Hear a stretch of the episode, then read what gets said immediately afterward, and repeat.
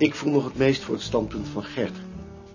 Keus ter discussie, probleemstelling schriftelijk op de eerste voortgangsreportage. Of wat eerder als die langer dan twee of drie maand weg is. Eh, Joop, Eh, al- als zien en at, maar wat als zien en wat als ad? dat het allemaal besproken moet worden en dat het afdelingshoofd beslist. Duidelijk. Richard, Geen commentaar. geen commentaar. Jaring, Ik vind dat we in ieder geval moeten vermijden dat iemand op zijn eigen houtje werkt.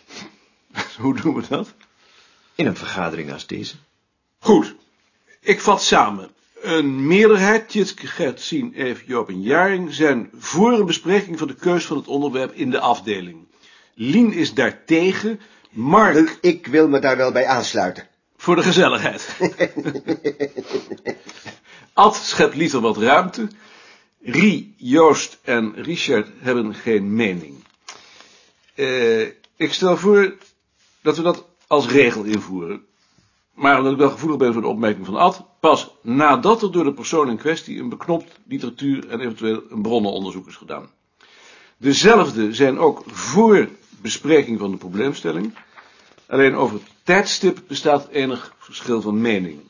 Het lijkt me dat dat zo dicht mogelijk bij de goedkeuring door de vergadering van de keuze moet liggen.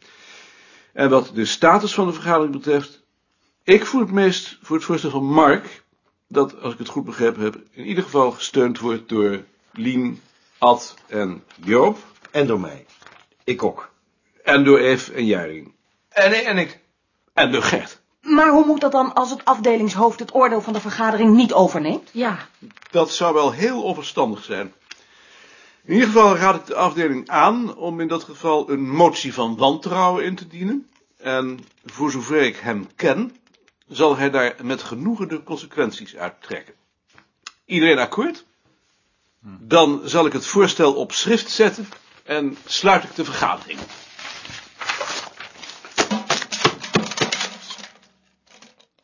Hoe voor de vergadering? Lien?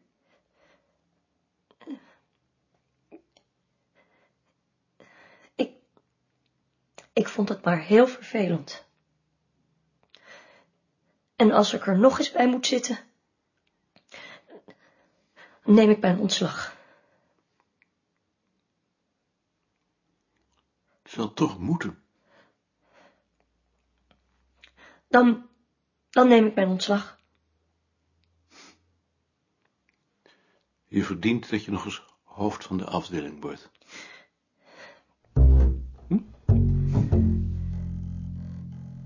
Ben jij tevreden? Ja, jij niet? Ik had het gevoel dat ik op eieren liep. Ja, had ze behoorlijk in de hand. Behalve Rie dan toch. Dat is een gevaarlijke dame. Daar kun je nog een hoop glazen mee krijgen. Het is Lien. Lien. Zie je wel dat het voor jou is? Lien. Je bent zeker boos op me. Boos? Waarom zou ik boos op je zijn? Omdat ik zo onaardig was na de vergadering. Ik vond je niet onaardig. Ik zei toch dat ik mijn ontslag zou nemen? Maar ik neem natuurlijk geen ontslag. Maar dat heb ik toch ook niet serieus genomen? Ik vind het echt wel prettig op het bureau. Ik vind alleen zulke vergaderingen zo verschrikkelijk. Dat vind ik ook. Ja? Meer dan verschrikkelijk. Omdat je zei dat ik verdiende om ook nog eens hoofd van de afdeling te worden.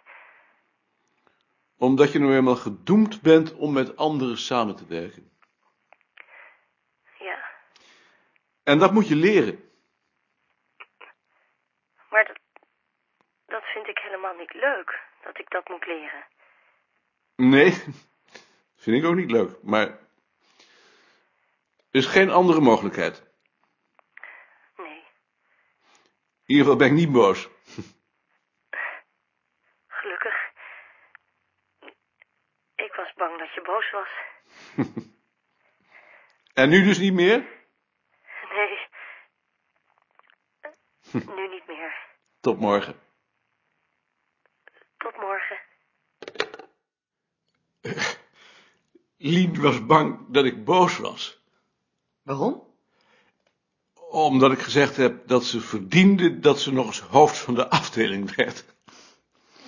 En dat zei ik weer omdat zij zei dat ze de vergadering zo verschrikkelijk vond. En eh, dat ze ontslag nam als ze er nog eens bij moest zitten. Hè, Heel ingewikkeld. Lijkt me ook verschrikkelijk. Het is ook verschrikkelijk. Maar je hebt geen keus. Had hij werkelijk geen keus? Of was het zijn overmatig vermogen om met anderen rekening te houden, compromissen te sluiten, te sussen, in plaats van stomweg, plat egoïstisch zijn eigen belang te volgen? Hij hoefde daar niet lang over na te denken. Als dat de keus was, was de weg naar het geluk niet voor hem ontsloten.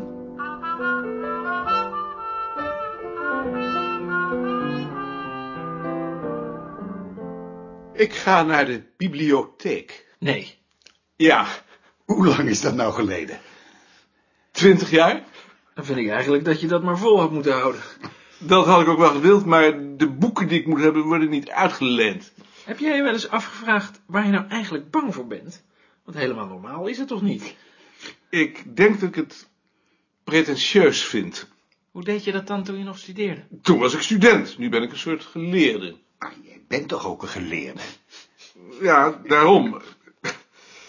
Ik ben er nog altijd niet aan gewend, aan het, aan het idee bedoel ik. Ik voel me een charlatan en ik heb het gevoel dat iedereen dat ziet. Eh, Bart, hoe gaat dat eigenlijk? Je gaat naar binnen, Je kent het gebouw toch wel van buiten? ja, Dan heb je van die glazen klapdeuren.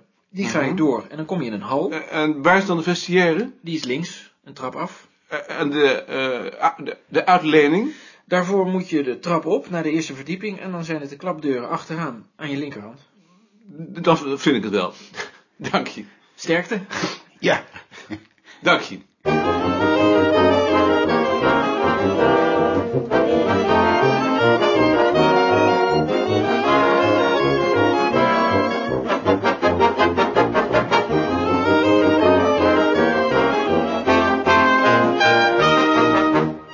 Buiten regende het. Het was guur. Hij zette zijn kraag op en haastte zich zonder om zich heen te kijken zijn blik gericht op het natte asfalt naar de bibliotheek. De klapdeur week moeiteloos terug. Hij betrad de hal. Blindelings, alsof hij deze route al jaren liep, sloeg hij zijn jas losknopend linksaf de trap af naar de vestiaire.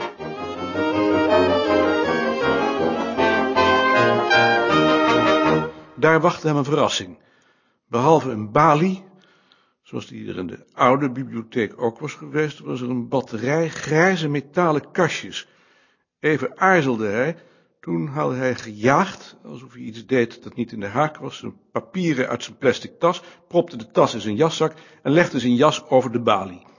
Het duurde even voor de juffrouw die achterin zat te haken haar werkje weglegde en naar hem toe kwam. Hij maakte daaruit op dat het niet gewoon was om je jas af te geven. Misschien was dat alleen bedoeld voor hoger geplaatsten en waren de kastjes voor mensen zoals hij. Maar aangezien hij niet meer terug kon, negeerde hij haar onwil. Hij nam het nummertje aan en wendde zich gehaast af, rende de trap weer op, struikelde omdat hij de breedte van de treden verkeerd inschatte, maar bleef overeind en rende met twee treden tegelijk naar de eerste verdieping door de klapdeuren. Daar bleef hij besluiteloos staan. De ruimte leek in niets op de uitlening in de oude bibliotheek. De eenvoudige houten balie van vroeger, met daarachter de hoge ramen met uitzicht op het singel, was uitgegroeid tot een enorm complex waarin de boeken langs een transportband binnenschoven. De houten kastjes met fiches die vroeger langs de rechterwand stonden, waren er nog wel, maar ze werden onderbroken door deuren die toegang gaven tot andere ruimte en maakten een nietige, verwaarloosde indruk naast de vijf of zes batterijen met honderden metalen kastjes die naast de balie een kwart van de zaal in beslag namen. Hij vermande zich, liep naar de kastjes langs de muur, trok een bak uit, zag dat het de tijdschriftencatalogus was, schoof de bak weer terug, draaide zich abrupt om en liep een willekeurig gangpad tussen twee kasten met metalen bakken in. Tot aan zijn hoofd beschermd achter een borstwering van bakjes, herwon hij enigszins zijn kalmte. Er waren meer mensen in de bakken bezig en in de ruimte daarachter was het een geroezemoes en geloop van vooral studenten, waardoor hij voor zijn gevoel nauwelijks opviel.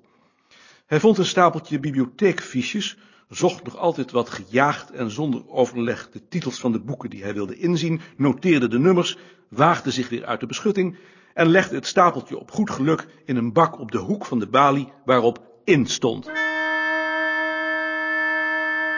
Achter de balie waren twee mannen bezig. Een derde voerde kleine stapels boeken aan, die aan het eind van de ruimte door een gat in de wand binnenrolden. Op enige afstand van de balie stonden en zaten een twintigtal mensen te wachten. Na enige aarzeling stelde hij zich in hun buurt op, naast een pilaar. De mannen achter de balie riepen namen af door een microfoon, schoven de boeken opzij als er geen reactie kwam en riepen een nieuwe naam. De groep wachtende slonk en groeide weer aan. Terwijl hij bewegingloos de bewegingen volgde, las hij uit zijn ooghoeken alle informatie die overal op borden was aangebracht, tot hij met een schok in een stapeltje in leer gebonden boeken dat over de transportband de ruimte binnengleed, zijn boeken vermoedde. Hij volgde ze gespannen op hun weg naar de balie. Deed een stap naar voren, terwijl de man achter de balie de stapel naar zich toe trok, niet helemaal zeker of hij daar goed aan deed, en wachtte op het omroepen van zijn naam. De man, een oudere man van zijn leeftijd, nam een paar fiches uit het bovenste boek en keek op. Meneer Koning. Deze twee krijgt u in de handschriftenkamer.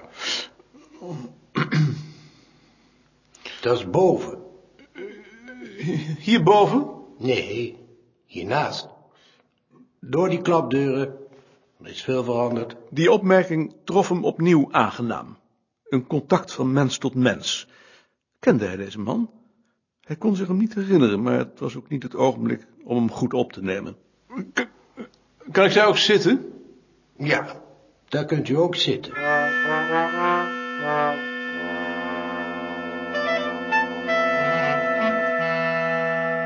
Met zijn stapeltje boeken onder zijn arm ging hij de klapdeur door. De deur sloeg tegen zijn arm, omdat hij er te gehaast wilde doorschuiven.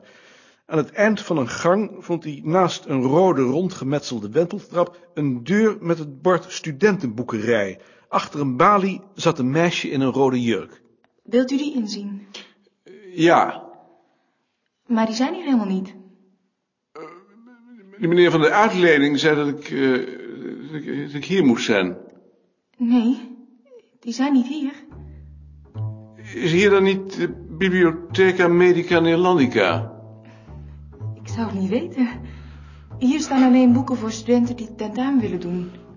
Maar misschien kunt u het aan die meneer vragen.